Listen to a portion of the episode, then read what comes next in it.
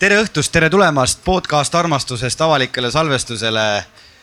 siin on rõõm näha kõiki inimesi, ma ei armasta üldse avalikke salvestusi, tahtsin esimese asjana öelda, aga kuna Elina ütles, et on aeg-ajalt oluline vaadata otsa ka oma kuulajatele, tänada neid selle eest, et nad meid kuulavad. Ja kuna siin Elina elus on juhtunud üks kordussündmus, suur tähtis kordussündmus tema äh, raamatu, mille pealkirja ma olen unustanud äh,, Lukuga päevik äh, uus kordustiraaž on äh, ilmunud välja ja seekord on ta seda reklaaminud äh, meestega siis äh, on meil täna lisaks Elinale kaks meesinimest siin tema ümber. ja meil on külas siis, ma ei tea, popkulturist, näitekirjanik, romaanikirjanik ja näitleja, ma ei tea, mis sa veel oled, Jim Ashilevi. tervitame Jimmi marulise aplausiga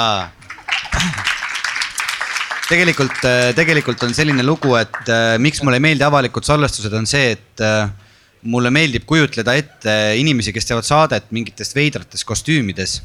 vaata eelmine kord, kes jõudis juba kuulata meie saadet, mis on Sander Rebasega tehtud, siis me olime, eks ole, paljad seal Elinaga ja Sandriga, nagu te kõik teada saite.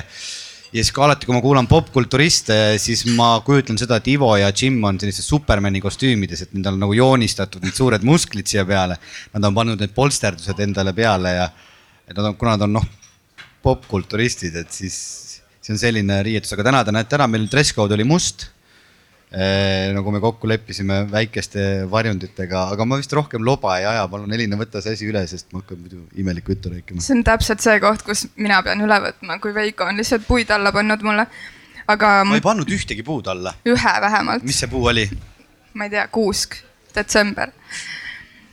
et äh, tead, mis mõte mul tekkis üldse praegu selle alguse peale? nii see mõte, et, et kui sul on keegi sõber või töökaaslane või keegi, kellega sa mingit projekti teed koos, nagu, nagu meie teeme podcast armastusest siis on ikka väga hea regulaarselt kohtuda. ma praegu tunnen, et see aeg, millal sa Narvas oled olnud et see on teinud ähm, sellise suure augu meie suhtesse, et ma pean nüüd harjuma, kuidas seda podcast'i päriselt alustada. nii et tegelikult tänane see salvestus ongi minu ja Elina suhete parandamise saade, et te näete siis laivis, kuidas, kuidas kahe, ütleme sellise poolsõbra või peaaegu sõbra juba suhteid saab parandada siis avaliku silme ees. ma saan olla siis terapeudi rollis. jaa siis, siis me peaks kohad ära vahetama, sina oled tugitoolis ja meie oleme. aga pigem on küsimus see, et kes meist diivanile pikali viskab. kordamööda. jah see, kellel parasjagu on raskem emotsionaalselt, see läheb pikali. nii, aga tere tulemast äh,. ma saan aru, et äh, me tõesti oleme kõik mustas. seda juhtub väga harva, minu puhul Veiko juba kiitis mind. ei, ma ei kiitnud, ma lihtsalt äh, sain aru, et on äh, detsember on käes ja depressioonilaine on nagu Eestit külastamas, et kõik inimesed hakkavad vaikselt musta riietuma ja aeg on rääkida tunnetest ja nende kirjutamisest aga tegelikult oli nii, et me tõesti istusime siin, ma ei tea, kas sellel samal diivanil mingi aeg tagasi. nii et äh, Jim küsis minu käest küsimusi ja, ja mina vastasin. ja praegu, kui ma niimoodi silmad äh, maha panen, need, kes siin on, näevad, et ma panen silmad maha, aga need, kes meid kuulavad äh, salvestusest, seda ei näe. siis mul tuleb see keha mälus meelde kuidas äh, nii keeruline oli otsa vaadata publikule ja nii keeruline oli vahepeal otsa vaadata sulle. Äh, kui sa küsisid mu käest mingisuguseid küsimusi, sest siis oli tõesti lukuga päevik just välja tulnud ja meil tegelikult oli mitu mõtet selleks tänaseks salvestuseks. sest et äh, kui Veiko alguses ütles, et mina olen süüdi, et see siin kõik toimuma saab, siis ma lükkan selle süü mõnusasti Rahva Raamatu peale täna sest et Rahvaraamat meid väga mm, soojalt külla ootas. kas ma võin katkestada korra või? ei või veel? kas ma lähen äkki koju ära või? ei okay. Äh, ma lihtsalt tahtsin nagu rääkida, ma ei taha nagu süüst rääkida, et pigem on see, et need on nagu kaks eri asja, et kui sa Äh, salvestad nagu podcast'i avalikult, et siis äh, ma arvan, eriti meie nagu selle saate puhul, et siit kaob mingisugune noh, tekib mingisugune teine olukord, no näiteks mina hakkan sulle kuuske praegu alla panema ja puid alla panema, hakkan esinema siin. ei ole nagu sellist nagu rahulikku mõtisklust ja Jim ütles ka, et kuna ta on Ivoga teinud paar korda podcast'i või tähendab raadiosaadet nüüd juba seda popkulturisti, et siis neil on läinud ka täielikuks kämaks see kätte ära. on nii või? ma kohe vastan sellele küsimusele ka, aga mulle tundub, et teie hääl läheb kaotsi, kui te ei räägi otse siia mikri sisse.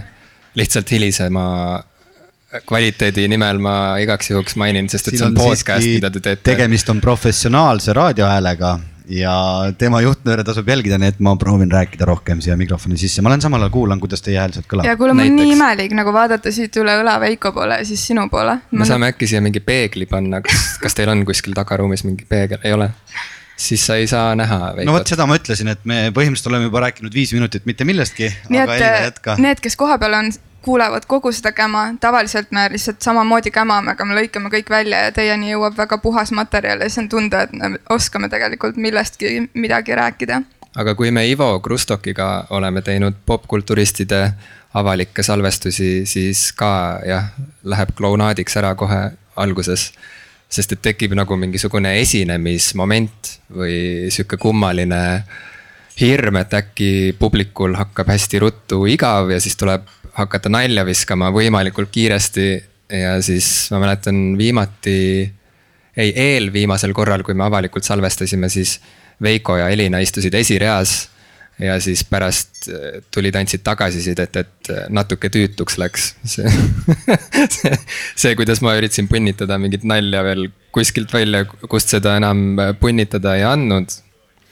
Aga ma ei kahetse seda, ma ei kahetse seda, ma arvan, et tulebki minna ka maitsta häbi natukene elus, siis on piirid selged.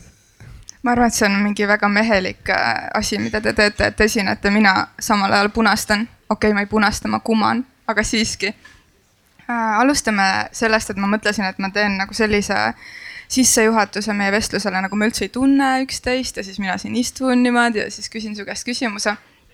ja et saaks kohe selle armastuse rongi peale.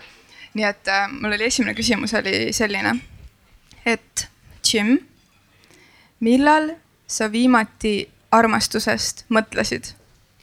viimati ma mõtlesin armastusest siia teel olles. ma viisin oma tütre meie ühiste sõprade perekond Soede hoida ja pereema Bianca ütles, et ainus tingimus, mille täitmisel ta on nõus Adelet enda juures hoidma, on see, kui ma tervitan teda saates, teda ja tema perekonda, nii et siinkohal ma tervitan perekond Soesid, tänu kellele ma siin praegu saan istuda ja armastusest rääkida.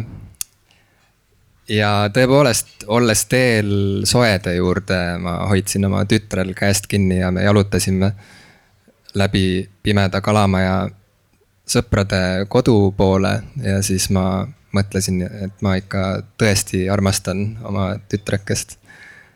see oli nüüd kõige värskem mõte armastusest. ma olin täiesti kindel, et see kõige värskem mõte ongi kuidagi siia jalutamisega seotud. Siis äh, number kaks küsimus, väga toores, läheb edasi.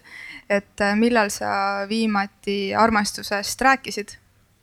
ma arvan, et sinuga. kui meil oli üks telefonikõne kuskil kolm nädalat tagasi või millal see oli?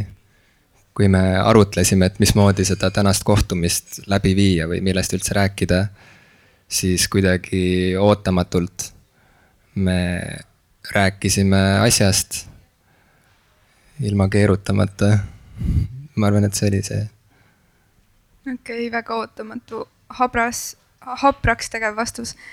ja kolmas küsimus mis on see, mis võiks täna kuidagi rohkem keerelda, on see, et äh, millal sa viimati armastusest kirjutasid? suvel. ma kirjutasin viimati armastusest suvel, kui ma töötasin oma seni viimase näidendi kallal, mille pealkiri on Unusta, unista. see esietendus Tartu Uues Teatris vist kaheksandal novembril, nüüd käesoleval kahe tuhande kaheksateistkümnendal aastal ja oli Tartu Uue Teatri hooaja avalavastus. Ingmar Jõela lavastas selle. ja kuigi see näidend läheb armastusest ikka väga kaugele, nii kaugele kui üldse vist saab, siis ometi kontrastid toovad välja tähenduse harilikult. nii on see loomingus, aga nii on see ka mujal, noh näiteks kui mõelda maitsete peale või kui mõelda lõhnade peale, siis selleks, et miski tuleks teravalt esile, on vaja ka midagi, mis oleks selle vastand justkui või mingisugune vastujõud või, või vasturaskus. Ja seal näidendis ma käsitlesin ikkagi armastuse teemat ka, kuigi see on täiesti äraspidisel kombel seal sees, sest et äh, näidend ise räägib psühhopaatiast peamiselt ja ka muudest teemadest. ja näidendi keskmes ongi üks psühhopaat, äh, kes meie mõistes ju tegelikult ei tea, mis asi on hellus või mis asi on empaatia või mis asi on armastus. Aga tal on mingi täiesti oma definitsioon sellega, täiesti oma definitsioon sellele ja ta katsub ennast mõistetavaks teha seal näidendis. ja sellepärast mulle meeldib kirjutada proosat ja, ja näidendeid ja vahel väga harva ka luulet, et see võimaldabki vaadata asju selliste nurkade alt, mida ma muidu tahaksin ikkagi endast eemal hoida. see nagu viib mind kohtadesse, kuhu ma ei taha otseselt minna, aga kust läbi käies ma tulen välja ikkagi terviklikuma ja rahulikuma ja avatuma inimesena. ma ei tea, kas äh, kindlasti mõned siin publikus ja, ja kes meie saadet kuulavad, teavad, et, et mina olen tegelikult Jimiga saanud tuttavaks, mis aastal, kaks tuhat kolm, kolm, aga kuus lõpetasime. kaks tuhat kolm, kui me õppisime koos äh, audiovisuaalset meediat ja, ja ma mõtlesin täpselt siis, kui me istusime siinsamas diivanil äh, minu selle lukuga päeviku esmaesitlusel et, ähm, et see meie kursus, kus on nii mitmeid äh, kirjutajaid mm, aegade jooksul tulnud. Neid kuidas... võiks ju isegi mainida. palun maini. näiteks Margus Karu, Sass Henno, Joonas Hellermaa kirjutab aeg-ajalt, Joonase vend kirjutab. sina. mina, sina ja meil oli veel kursusel inimesi, kes kirjutasid ja võib-olla teevad seda praegugi, aga ei pruugi seda nii avalikult teha. Aga jaa, kummaline värk, et see ei olnud justkui mingisugune loovkirjutamiskursus, aga ometi nii suur osa meie kambast jõudis lõpuks raamatu kaante vahele või on teel sinna. ja, ja siis ma mõtlen tagasi nende nende noorte peale, kes kuidagi sattusid kokku ühes ruumis õppima midagi, millest neil aimugi ei olnud. Et kui palju sa siis juba kirjutasid sellist päris asja, päris asjadest, päris maailmadest, päris maailmadest, mida päriselt pole olemas?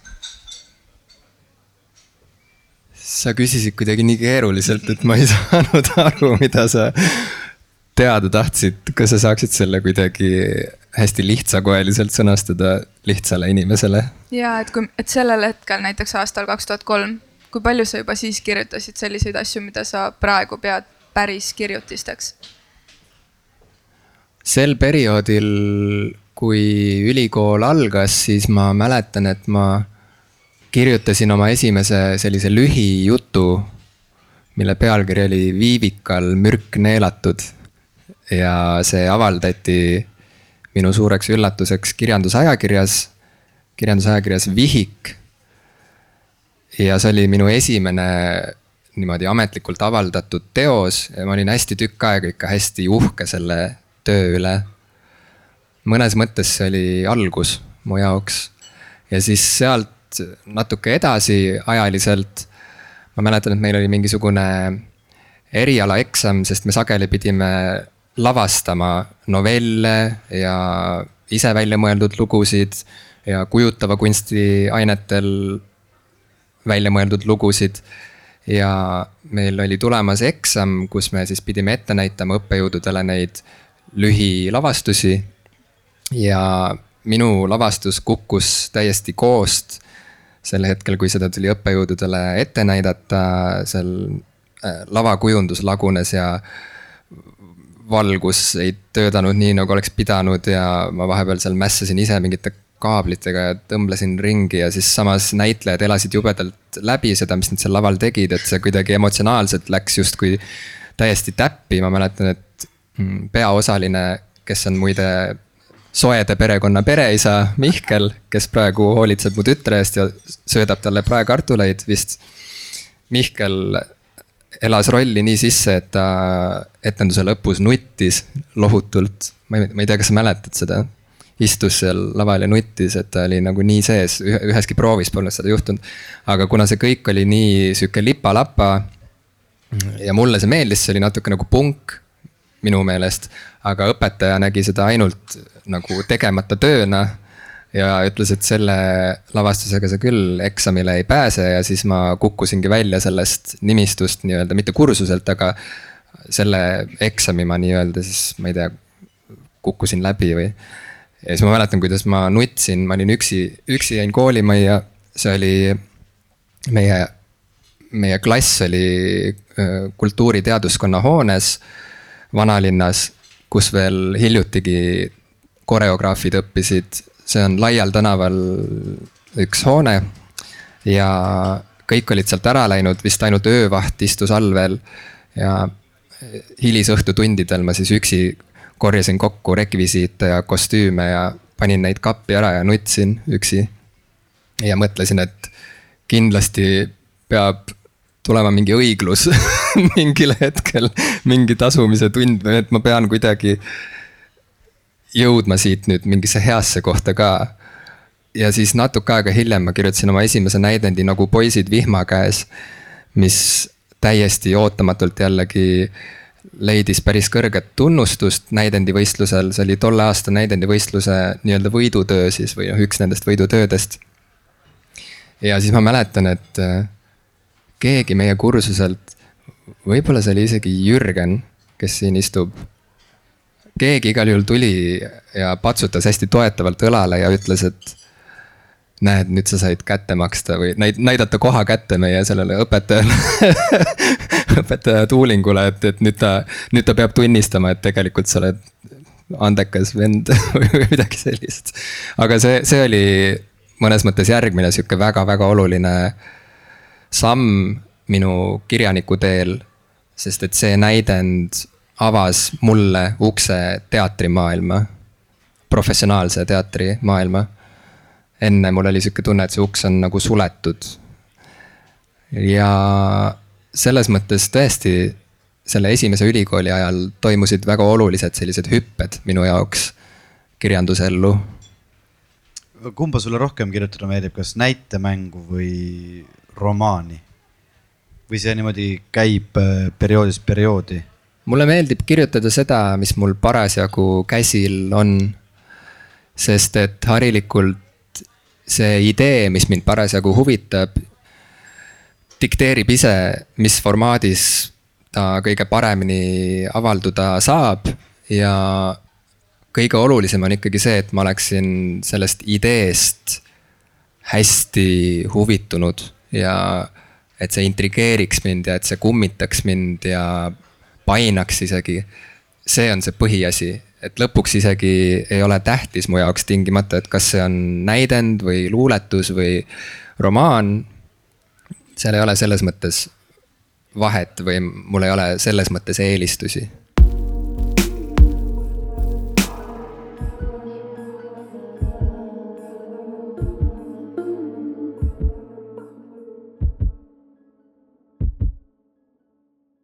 Me oleme siin läbi äh, osade erinevate inimestega rääkinud sellest painest, mida, mida tunnevad inimesed, kes on ähm, võtnud vastu kuidagi selle tiitli, et ma olen näitleja või ma olen kirjanik, ma olen autojuht, ma olen, ma ei tea, kokk. aga, aga kui kuskil mujal on äh, sees selline tõmme või kirg või, või kisub midagi muud tegema siis, siis nagu ei tihkaks, sellepärast et, et kui ma olen kokk, siis ma ei võiks kirjutada või kui ma olen kirjutaja, siis ma ei saaks avada oma restorani. ma saan aru, et tänapäeval need piirid on, on nagu nii palju hägustunud ja juba heas mõttes hägustunud. Aga kuidas sinu sees need kõik näitleja, lavastaja, kirjanik, ma ei tea, isa, mees, sõber, kuidas, kuidas need rollid jagunevad või või kas sa tunned seda painet, et nüüd ei ole tükk aega kirjutanud, peaks kirjutama või, või kuidas, kuidas need teed su sees on? kõige olulisemad asjad elus ikka hakkavad kripeldama, kui neist minna liiga kaugele liiga pikaks ajaks ja selle järgi on võimalik ka aru saada, mis siis tegelikult on minu rida ja mis ei ole. või kuhu ma kuulun ja kuhu ma tingimata ei kuulu. ma ei ole väga tahtnud ega jaksanud tegeleda selle vaevlemisega, et kuidas ennast siis sildistada või, või kas mul on õigus nimetada end üheks või teiseks asjaks. ma olen seda lugu varem ka aeg-ajalt rääkinud, aga siis, kui ma hakkasin teadlikult kirjutama, mis oligi umbes see aeg, kui ma kirjutasin selle novelli Viivikal mürk neelatud ja kirjutasin oma esimese näidendi nagu poisid vihma käes, siis umbes tol ajal hakkas ilmuma ka noorte kirjandusajakiri Värske Rõhk ja ma mäletan, et Värske Rõhu mõningate autoritega ja võib-olla isegi sealhulgas ka Diana Leesaluga, kellega Veiko on ju pikalt koos töötanud Linnateatris. Diana ka sel perioodil äh, ilmus areenile romaanikirjanikuna. et oli siukseid arutelusid, et oo, et mis hetkest ma ikkagi võin ennast nimetada kirjanikuks ja kas ma ikka söandan või kas ma ise tohin ennast nimetada kirjanikuks, äkki see on mingisugune tiitel, mida keegi teine ainult saab sulle omistada, et see on natuke nagu mingi rüütli tiitel, on ju, et kuninganna saadab meili sulle, et tule laupäeval kell kaksteist kohale, ma panen mõõga sulle vastu pealage ja siis võid nimetada ennast kirjanikuks. ma olen ikkagi lähtunud sellest tõsiasjast, et äh, loeb see, mida inimene teeb ja loeb ka see, mida ta ei tee. nii et kui ma kirjutan ja järjepidevalt kirjutan ja, ja ikka kirjutan ja kirjutan, siis ju ma olen kirjanik. Ja kui ma ikka näitlen ja näitlen ja näitlen, siis noh järelikult ma ei ole disler näiteks, ma olen pigem näitleja, kui peaks valima, kas disler või näitleja, siis pigem näitleja, on ju, et mis siin nagu keerutada mõnes mõttes, aga kuna ma tegelen nii paljude erinevate asjadega, siis aeg-ajalt ma pean lihtsalt valima, et mis, mis tiitlid ma nagu ette kannan, mis oleks antud olukorras teistele vajalik info või vajalik sissejuhatus sellesse, kuidas minuga suhelda või, või kui, kuidas minusse suhestuda. aga ma ei tea, ma vist aina vähem kuidagi muretsen selle pärast. Aga kui näiteks öösel kell kolm aetakse sind üles ja küsitakse, kes sa oled, siis mis see kõige esimene asi on, mis sa ütled? siis ma ütlen, et ma olen Jim ilmselt.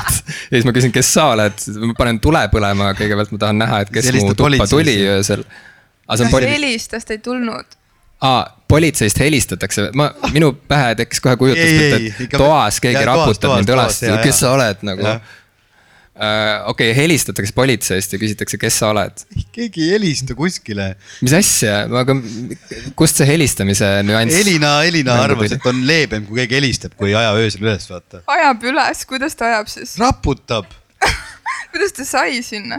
no vot, see oligi Jimmy küsimus. aga ma arvan, et ega ma tegelikult siis sellises olukorras ilmselt ma lihtsalt hüppaksin voodist välja ja ma ei tea, viskaks teda okay, telekaga okay, aga... kõigepealt, ma arvan, ja siis hakkaks rääkima. kui silm juba seletab aga, aga kui nüüd, ma pean. kui nüüd nalja ei tee, siis. aa jaa, sest see on avalik salvestus, kus ja. me üritame mitte teha nalja ja seekord me teeme teistmoodi vastuvoolu. publikul on juba lihtsalt nii igav, et ei kujuta ette ka. see on kõige halvem episood, mis te olete kunagi teinud. selle nimi on Jim Ashilevi. Äh, ühesõnaga harilikult ma ütlen kirjanik esimese mm -hmm. sõnana, esimese tiitlina ja teisena ütlen näitleja ja no ma pean tunnistama, et näitlemise osas ma olen rohkem võib-olla muretsenud, et kas ma olen selle tiitli välja teeninud ja üllataval kombel ma olen kuulnud ka Veiko, kuidas sina siin oma saates korduvalt oled välja toonud, et sa ei tea, kas sa ikka alati nagu söandad nimetada ennast üheks või teiseks asjaks, kuigi ilmselgelt sa ju oled nii palju näidelnud, sa oled nii palju muusikat teinud, sa oled nii palju kirjutanud. kõik need tegevused on ju päris tegevused, see ei ole mingi suitsukate, et tegelikult samal ajal sa müüd võltstubakat või seda piraatttubakat kuskil alaealistele või midagi sellist. ma ei tea, kust see info pärineb sult, aga ühesõnaga et kuidagi, aga, aga näideldes ma olen oma sissetuleku teeninud vi- viimase, ma ei tea, kümne aasta jooksul. nii et ju, ju ma siis ju olen selle palga kuidagi välja teeninud näitlejana, ühesõnaga Veiko, kas Jim on näitleja? Ma ei oska öelda niimoodi, ma ei ole näinud teda nüüd laval nii palju, et äh, ma olen nägemata näiteks Otellot ma ei näinud ja võib-olla, ma ei tea. ma, mul on endaga nii palju probleeme, et kui ma hakkan veel siin teistele inimestele tiitleid külge panema, et siis läheb see asi, läheb käest ära, eks ole.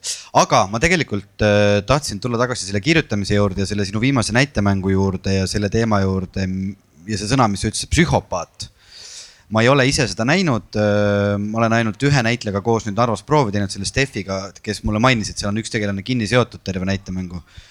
kust ühel sellisel heatahtlikul ja leebel inimesel üldse tuleb nagu see impulss, et ma tahaks nüüd tegeleda sellise teemaga, kirjutada just sellest. et mind just huvitab see, et kas, kas sa nagu, kas see on nagu mingi väline impulss et see on teema, mida ma tahan uurida või sul on sees kuskil see väike psühhopaat, kellega sa tahad tegeleda ja temast aru saada? ma kirjutan alati asjadest, millest ma ei saa aru. ja sellepärast ma peamiselt kirjutan, kirjutangi armastusest, kirjutan vägivallast ja seksist. ma kirjutan inimeste vahelise suhtluse võimalikkusest ja võimatusest ja inimeste tõmbumisest ja tõukumisest, sest see on kõik see pööris, mille sees me elame igapäevaselt. ja kuigi me kõik oskame rääkida, siis ma alatihti tunnen, et kõigest ei ole võimalik rääkida sõnadega. Et sa mõtled nagu päris sõnadega inimeste vahel? verbaalse eneseväljenduse abil ei ole võimalik kõigest rääkida või kõike lahti rääkida.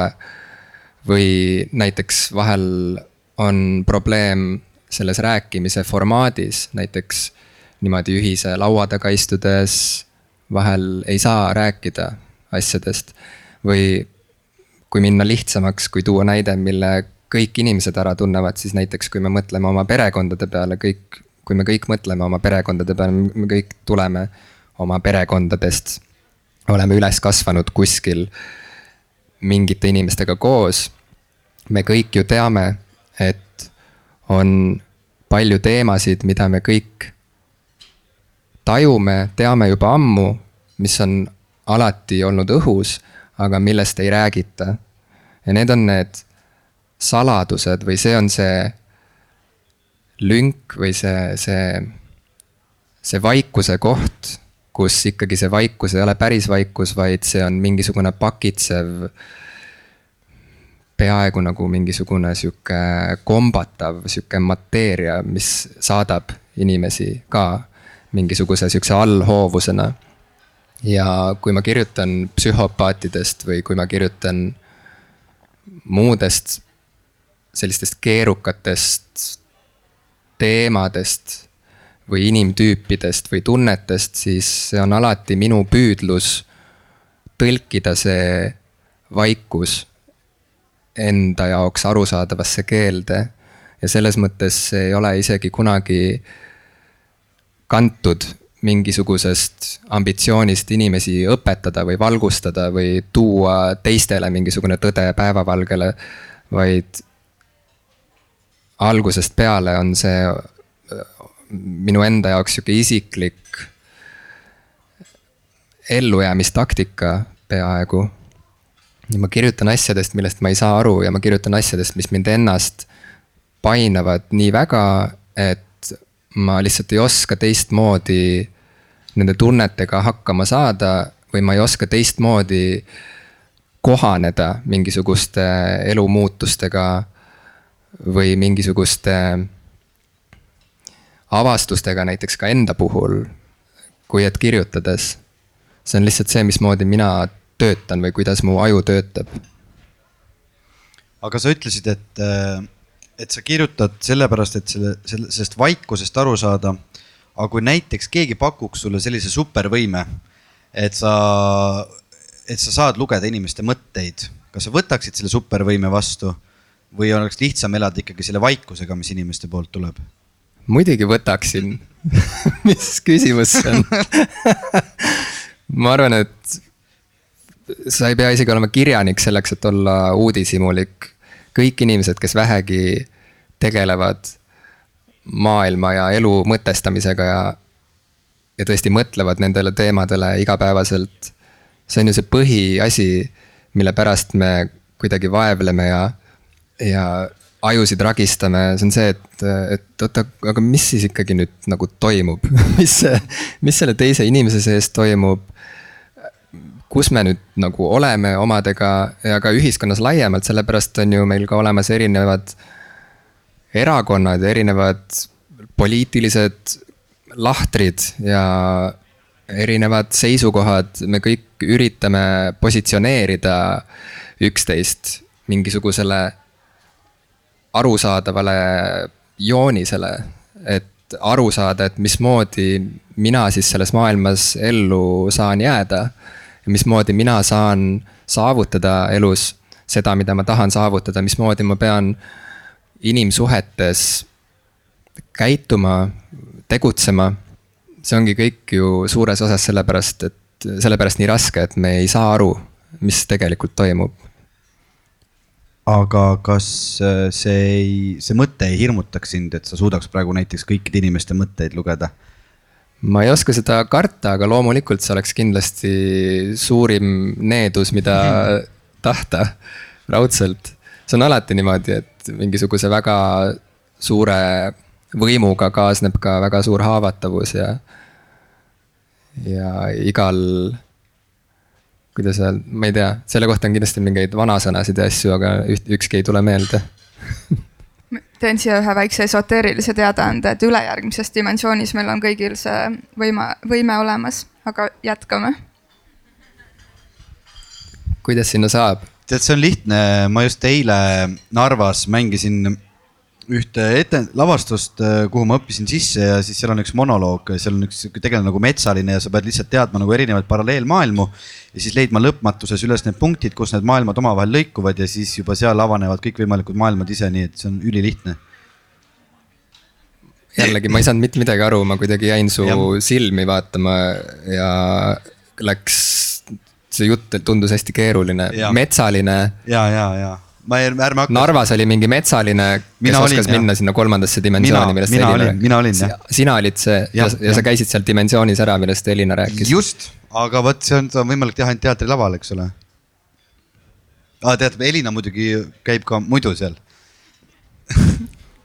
ma saan aru, see on segane jutt, eks ole, et jääme pigem selle mõtete lugemise juurde, et see on nagu lihtsam kui see dimensioonide vaheline rändamine. kas on? ma ei tea. Äh, tegelikult Äh, juba ammu tahtsin hoopis, tegelikult Jim on päris palju sellele vastanud juba. Äh, selle, sellele hästi lihtsale küsimusele, et aga Elina, ma küsin sinu käest ka, et miks, miks sina üldse kirjutad? et kui meil täna mõnes mõttes algtõukeks äh, on ka see sinu luuleraamat. miks sa kirjutad ja kas need, võib-olla see on küsimus teile mõlemale, võib-olla ka mulle endale. et kui me pidime ka täna rääkima tunnetest kirjutamisest, siis kuidas te need tunded kirja panete, et kas te panete oma tunded kirja ausalt või te üritate seal kirja pandud tunnetes elada läbi nagu mingeid muid versioone oma tunnetest? Või te üritate ilustada oma tundeid, teades, et inimesed loevad neid ja te ei taha tegelikult oma päris tundeid panna paberile, vaid äh, kuidagi maskeerida neid kui see oli mingi küsimus, ma ei tea. jaa, nätaki. see küsimus oli nätaki.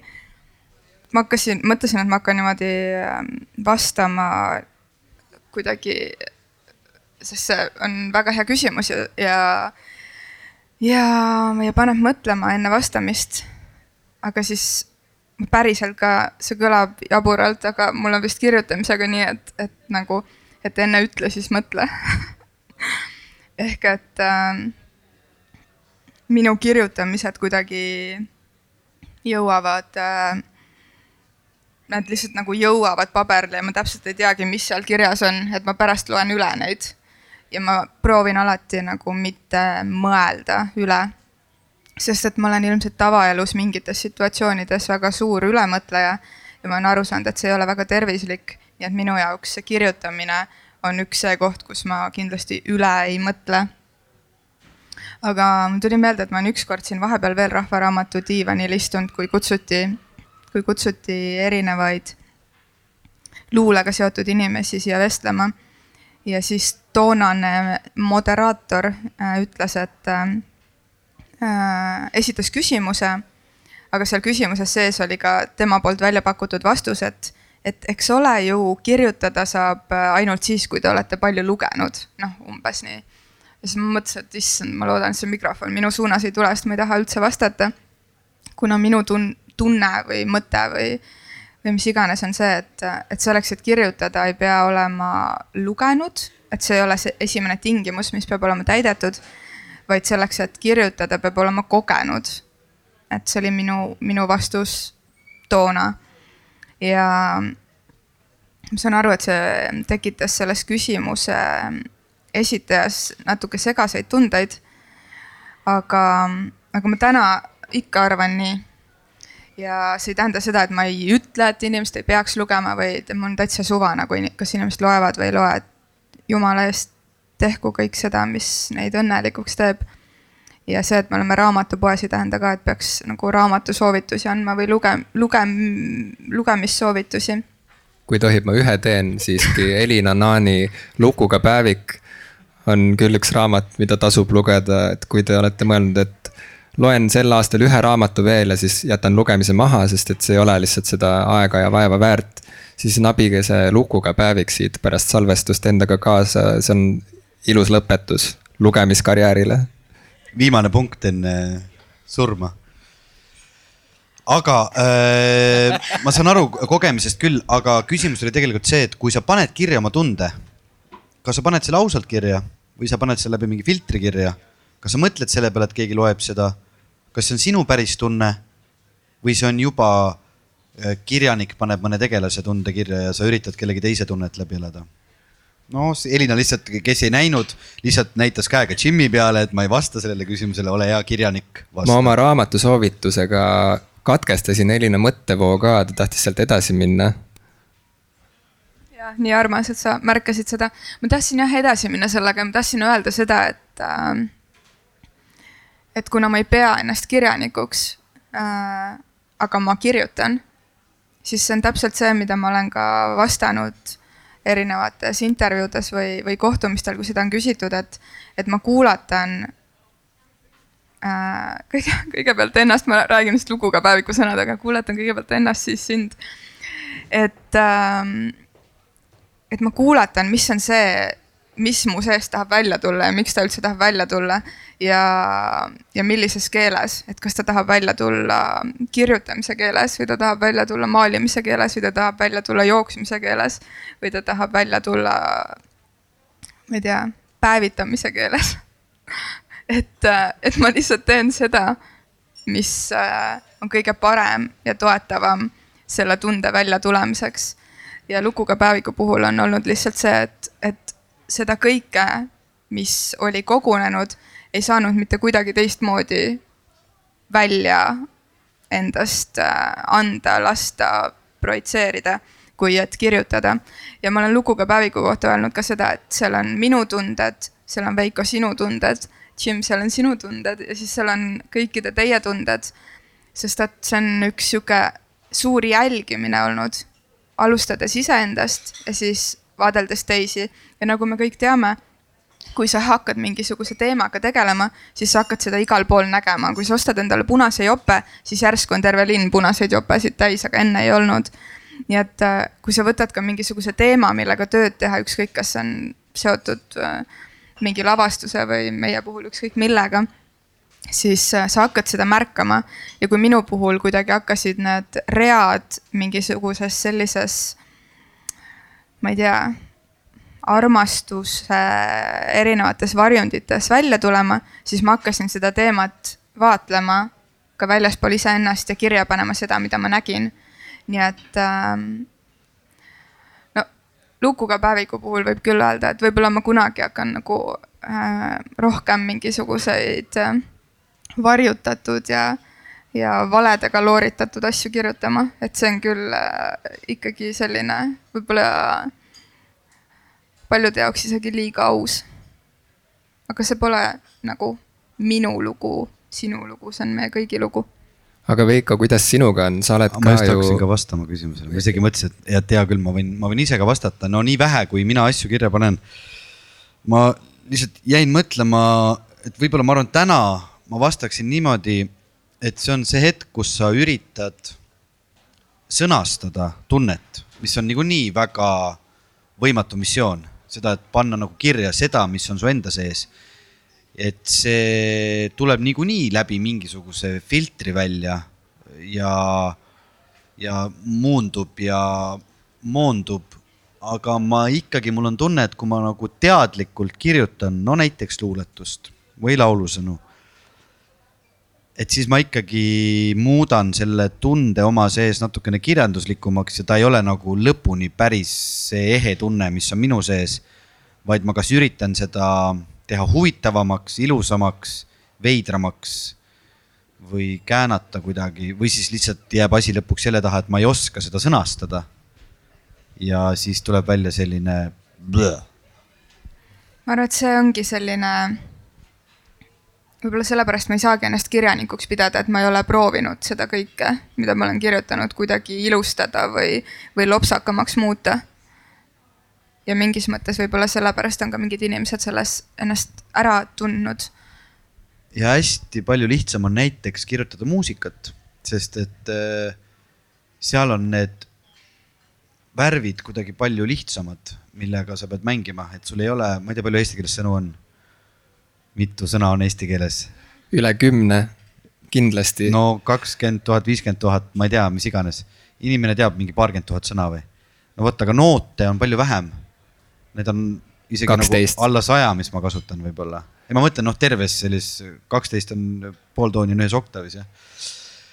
et, et nende kaudu on nagu lihtsam kuidagi neid emotsioone kirja panna ja mul on tunne, et ka inimestel vastu võtta lihtsam. Et ta on kuidagi universaalsem keel näiteks kui sõna. Kuule, Jim, aga vasta ka seoses Veiko vastusega, mul tuli meelde, et sa oled ju muusikat ka teinud. aga räägi ma ta- aga kuidas- räägi oo, sõnadest. räägi sellest enne. muusikast ka palun pärast, ma ei tea sellest midagi. sõnadest enne, kumb on ennem, kas sõnad või muusika? minu jaoks sõnad, aga tegelikult muusika, sest muusika on alati kütus kõigele.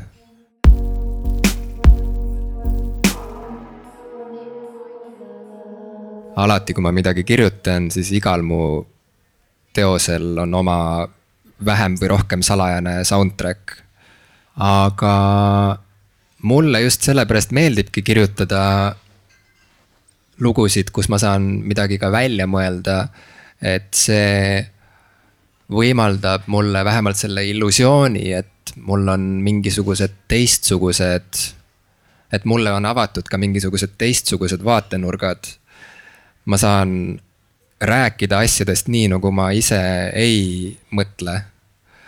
ja tänu sellele saan paremini aru, mida ma ise siis mõtlen. ja ühtlasi olen sammukese võrra lähemal sellele, et ma suudan hinnanguvabalt aktsepteerida ka mingit risti vastupidist seisukohta või käsitlust. See teeb minu jaoks näitekirjanduse ja proosa väga põnevaks. aga kui ma kirjutan luulet, mida juhtub üliharva.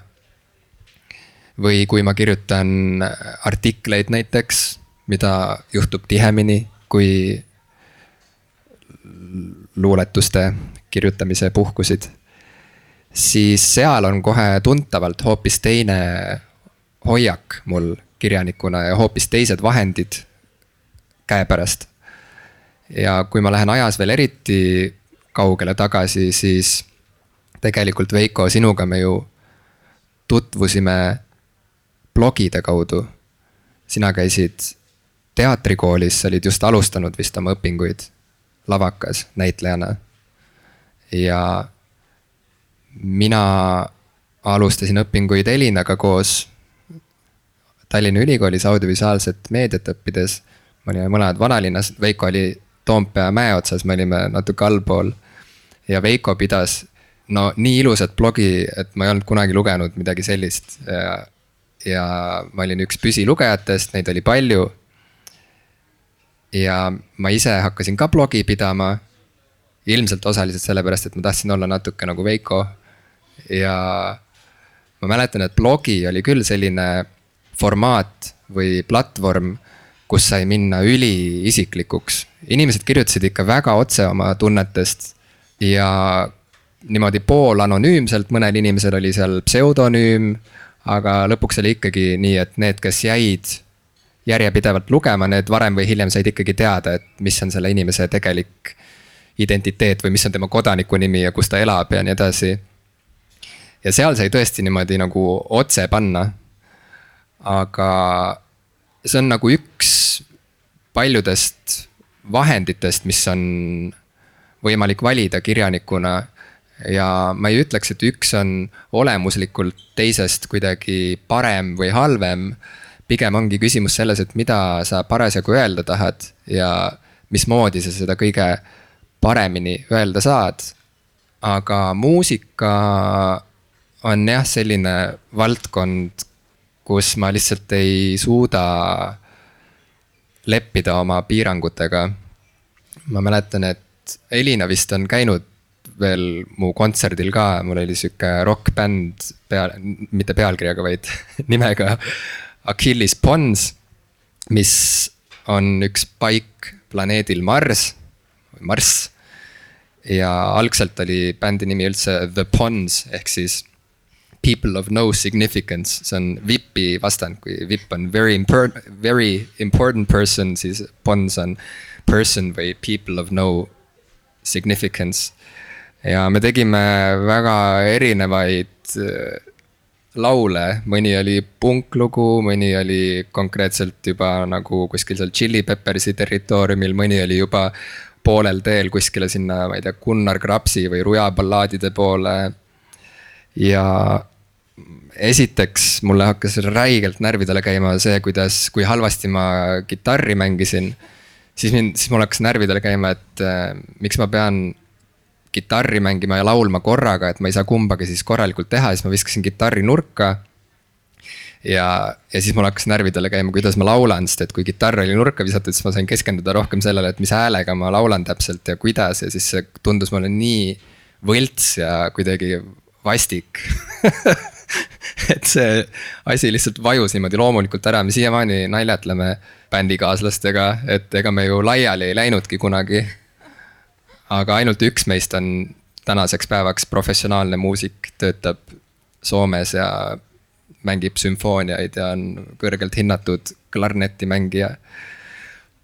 ja mul oli ka sihuke lühike räppari periood, kus sai üht-teist salvestatud ja sai sai tehtud uh, show sid uh,, mis kahjuks on ka video, videona kuskil riiulil olemas, aga ütleme nii, et inimestele, kes sinna arhiivi oma teed ei leia, loodetavasti mitte keegi teist siis tegu oli millegi siukse nagu Noisy Nationi ja. Shake, shake and move it on. ja, ja, ja Noisy Nationi ja Ali G mingisugune vahepealne asi nagu. kas tea. sul oli ka räppari nimi? ma ei suutnud otsustada. mingi hetk oli, oli Skinny Bone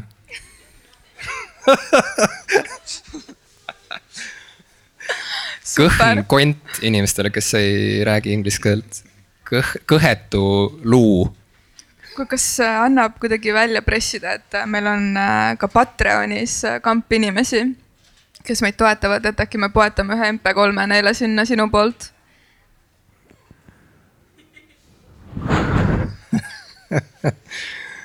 no mul üks MP3 on, aga räägime sellest hiljem.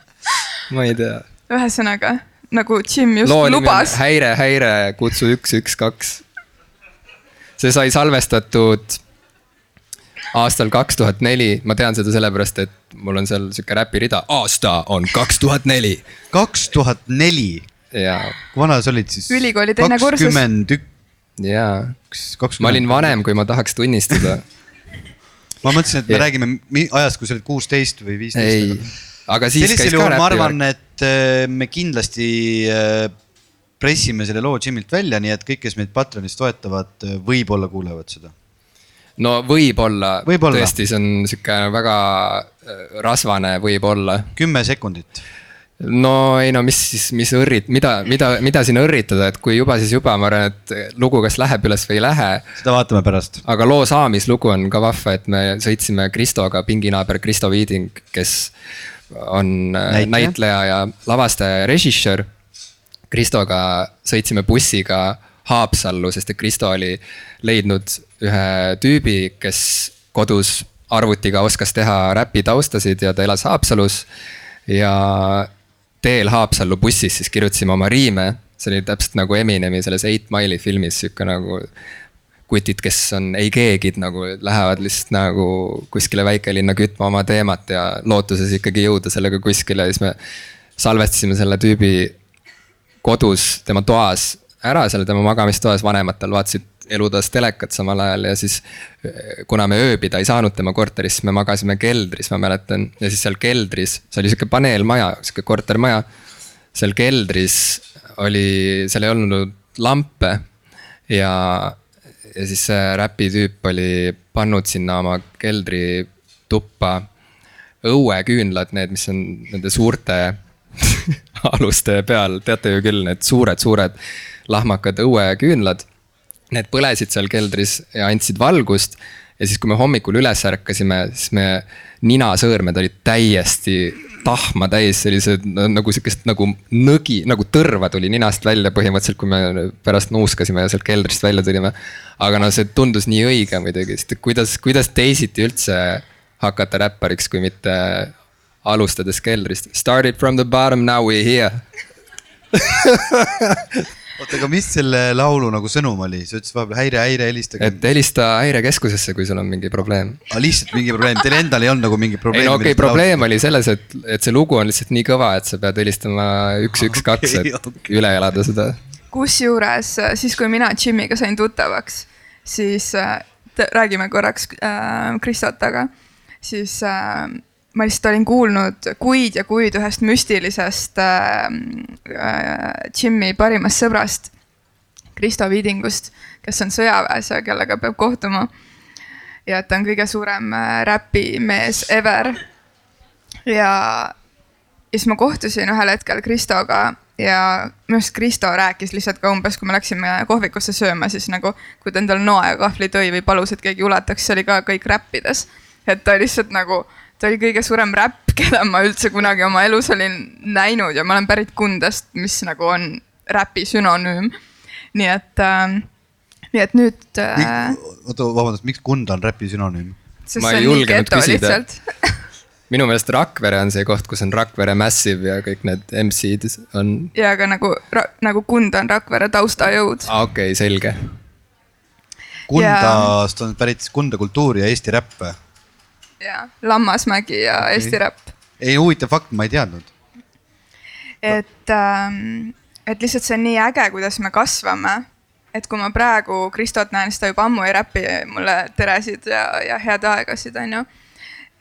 ja see, kuidas äh, ma olen ju sind laval näinud nii räppimas kui, kui ka selle punk, ma ei tea, punkrock, punkbändiga. et äh, kuidas äh,, kuidas, kuidas me kasvame nendest hetkedest välja või miks need, miks need tulevad meie ellu üldse kuidagi nii tugevalt peale, et neid on vaja nõnda väljendada. mis sa arvad, kas praegu see, see periood, see, kus sa praegu oled, kas see on ka lihtsalt mingi periood, mille peale sa kolmekümne, kolmkümmend aastat hiljem vaatad, et täiesti uskumatu, istusin seal Rahvaraamatu sambla rohelisel diivanil. ja kas sul on kahju, et sa kasvad välja räpist ja blogidest ja muudest asjadest? On küll kahju. ma olen selline inimene, kes ei kasva mitte millestki välja, vaid ma liigun ajas edasi. ja ajaliselt tekib distants erinevate elukorralduslike nüanssidega ja tekib distants erinevate karjääri võimalustega ja, ja siis tundub justkui, et, et need teemad ei ole enam teemad, aga ma ei tea, mul on kuidagi ikkagi niimoodi, et ma kannan nagu kõike endaga kaasas. ma aeg-ajalt siiamaani mõtlen, et tegelikult peaks räppima. või et tegelikult peaks tegema ikkagi bändi, peaks ikkagi pilli kätte haarama ja kuidagi laval ennast välja elama ja, ja ma mõtlen aeg, noh, ma alustasin kirjutamist üldse koomiksitest. me tegime Kristoga, Kristo Viidinguga tegime koomikseid. ja mõned klassivennad olid seal veel, kes joonistasid ja kirjutasid koomikseid. siis käisime neid oma vanemate töö juures kopeerimas, klammerdasime kokku koopiad ja siis müüsime neid oma klassikaaslastele ja koolikaaslastele. ja Kristo isegi viis ühte koomiksipoodi oma mõned koomiksid müügile sai mingi kahe krooni eest osta või kaks viiskümmend. ja siiamaani ma mõtlen, et äkki peaks koomikseid tegema hoopis. või noh, aeg-ajalt see tuleb meelde. ja siis see mõte läheb jälle ära ja. ja siis tuleb kunagi jälle tagasi, nii et selles mõttes ma nagu olen sihuke tigu nagu, kes kannab oma kojas nagu kogu oma elutud elu kaasas ja siis sealt spiraalist aeg-ajalt kukub jälle mingisugune vana unustatud asi selga ja siis ma korraks mõtlen, et äkki ma peaksin hoopis, hoopis teistmoodi elama. mul tuli seoses koomiksitega see asi meelde, et sa olid vist üks esimesi inimesi, kellele ma julgesin öelda, et ma ei ole kunagi elus koomikseid lugenud, sest ma ei osanud neid lugeda. ma ei saanud kunagi aru, millist mulli tuleb enne lugeda ja siis kõik ei tulnud nagu noh, kuidagi välja ja ma ei saanud kunagi aru, mis seal kirjas on, siis ma alati lugesin vastuse enne ja siis küsimuse enne ja see tundus nii tüütu lihtsalt. Äh, ja teine asi, mis ma tahtsin praegu öelda, on see, et, et mulle väga meeldis see, see bänd. ja ma olen ikka kraalis lava ees hüpanud, äh, juukseid visanud sulle, et äh, ilusad ajad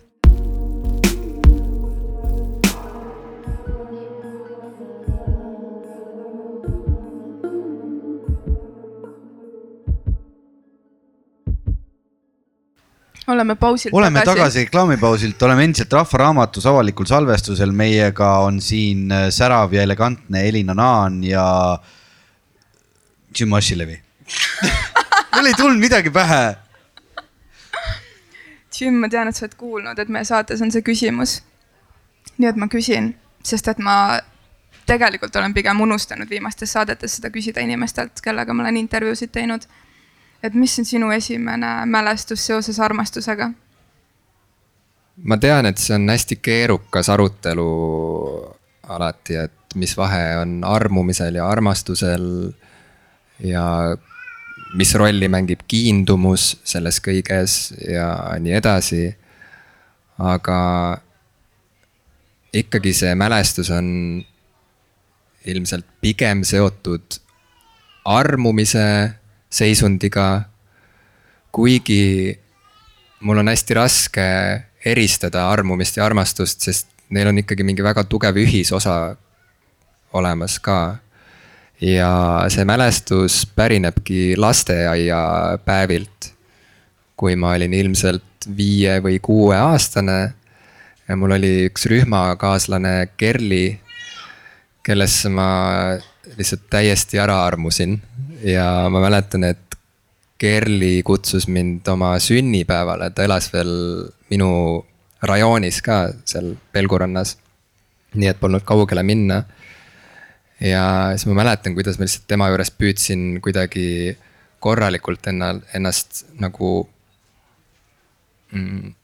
kuidas ma püüdsin olla nagu soliidne ja kuidagi arvestav ja tähelepanelik tema suhtes ja kuidas. kui me istusime sinna väikeste laste lauda, mis oli sihuke põlvekõrgune on ju minitaburettidega kooki sööma näiteks, kuidas ma siis püüdsin nagu sirge seljaga seal olla ja kuidagi olla sihuke.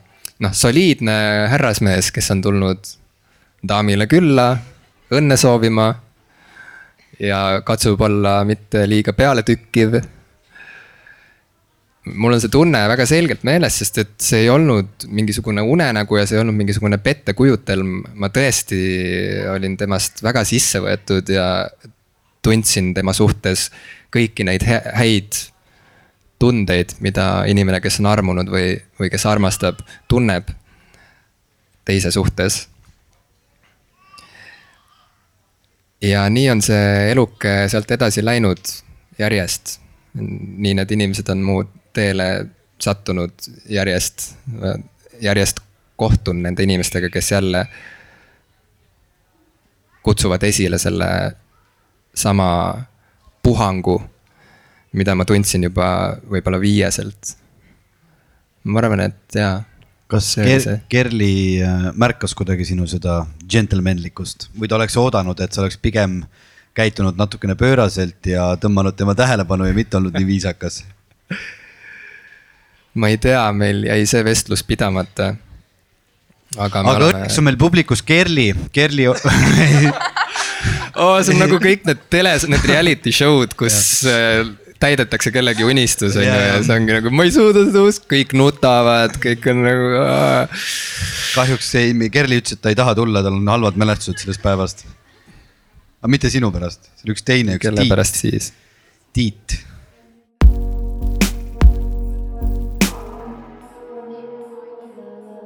Seesama muster, mida sa oma esimese armumise juures nägid, kas sa oled märganud, et see on kuidagi kordunud? see, et sa jääd täpselt sellisesse olekusse või et sa tunned selliseid tundeid. et kas me ikkagi jääme alati nendeks väikesteks tüdrukuteks ja poisteks? ühest küljest ma olen küll veendunud, et põhitõed inimestevahelise, inimestevahelise suhtluse ja inimestevaheliste suhete kohta ma õppisin selgeks just selles vanuses, kuskil viie-kuue-aastaselt lasteaias. erinevad temperamendid, mis inimestel on, erinevad siuksed suhtlusviisid. erinevad konfliktid, mis saavad tekkida, erinevad võimalused jõuda ikkagi lähemale kellelegi, kes esialgu on võib-olla natukene sihuke tõrges või sihuke okkaline.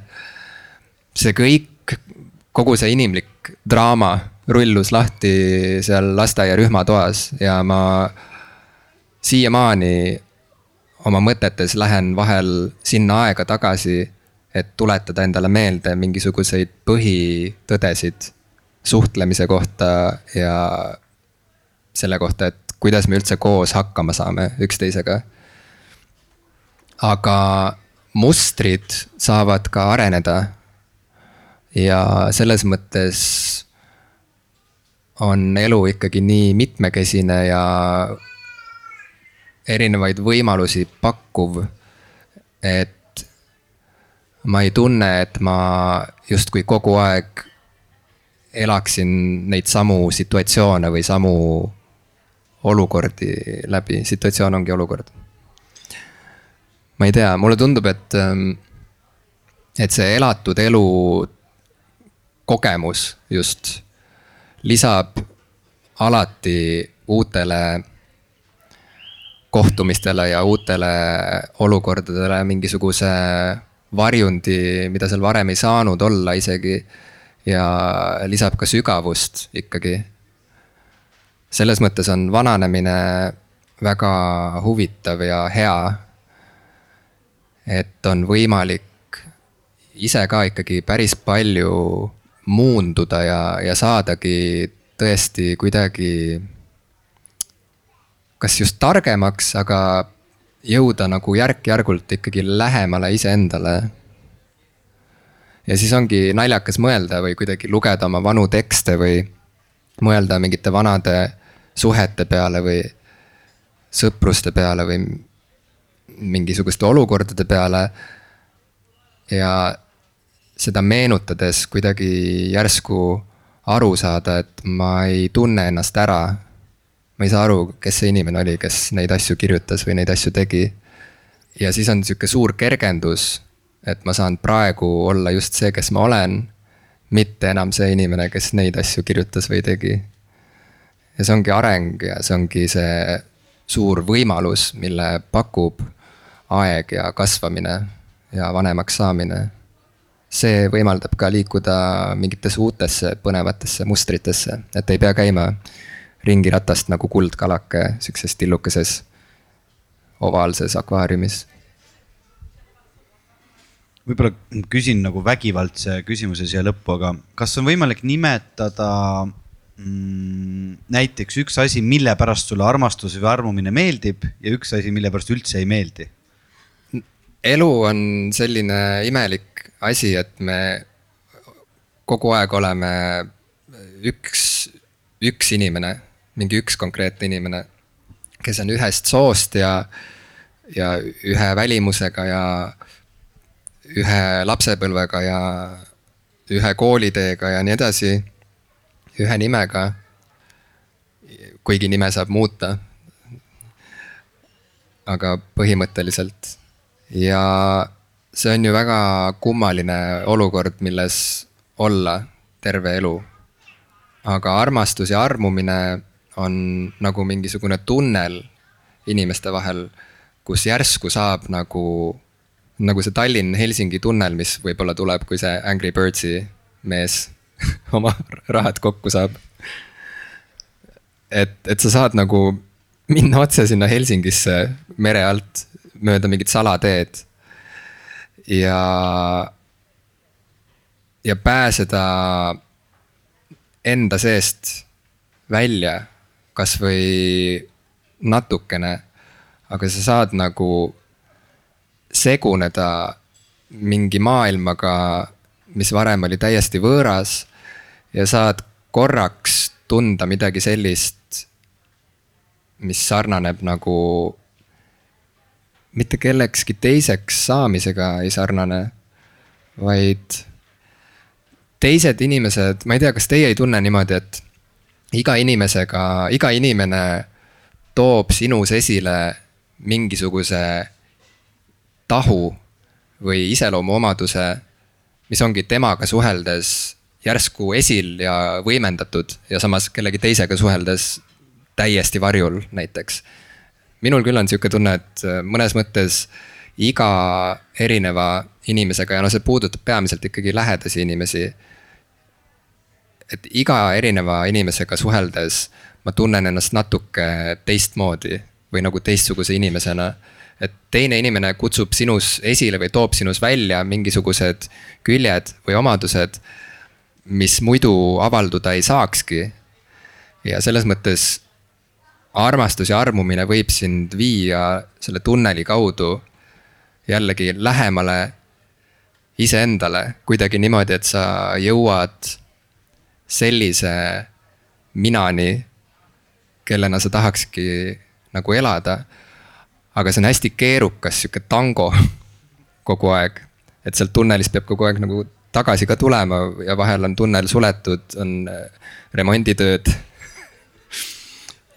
ja nii edasi. et sealt võib väga kiirelt jõuda ka kuskile väga ohtlikku kohta, kus tekib sihuke sõltuvussuhe, kus võib tunda järsku, et ilma temata ma kaotangi iseenda või ilma temata ma ei saa eksisteeridagi või ilma temata ma ei saagi kunagi olla see, kes ma olen. ja see on ka väga ohtlik, kui inimesed niimoodi ripuvad üksteise küljes. noh, ripuvad niimoodi, et, et see on nagu elu ja surma küsimus. nii et see tasakaalu leidmine on täiesti omaette teema ja sellele saab pühendada terve armastuse podcast'i hooaja, ma olen kindel aga igal juhul see on see, miks mulle armastus ja armumine meeldib, et see jällegi võimaldab jõuda endast kaugemale ja samal ajal jõuda endale lähemale. aga miks ta mulle ei meeldi, on jällegi see, et need tunnelid on hästi kehvasti ehitatud Need on väga kehvalt ehitatud ja me peame kogu aeg uuesti leiutama, kuidas seda tunnelit lappida ja ja kas peaks üldse viskama pommi sinna ja ehitama täiesti uue tunneli. kas Helsingi on üldse see õige sihtpunkt? äkki peaks minema hoopis Rooma? nii et see on see, mis, mis teeb valu ja, ja miks see kõik on vastik. aga ilma selleta nagu ka ei tahaks, sest mis ma, mis ma siis muidu teeksin aga sellega, selle hästi sõnastatud öö, mõttega me tõmbame täna siin oma otsad kokku. mul on väga hea meel, et te tulite meid kuulama, et me saime istuda nendel oliivirohelistel diivanitel ja rääkida natukene millestki. nii et äh, aitäh nendele, kes meid kuulasid siin poes, Rahvaraamatu poes, aitäh nendele, kes kuulavad meid järgmisel nädalal, kui see saade on eetris ja tulevikus veel ja. ja aitäh, Jim, et sa selle kutse vastu võtsid, sellepärast et ma tean, et see oli ka erinevatel põhjustel. see logistika, et ennast kõikide oma tükkidega siia, siia laotada diivanile, oli vaja läbi mõelda ja tunnetada. ja sa oled üks, üks minu elu kõige olulisemaid inimesi. sina mulle ka ja mul on nii hea meel, et me, et me kohtume erinevates hetkedes ja, ja päriselt ka toetame üksteise tegemisi. aitäh sulle, et sa tulid. aitäh, et kutsusite. ja aitäh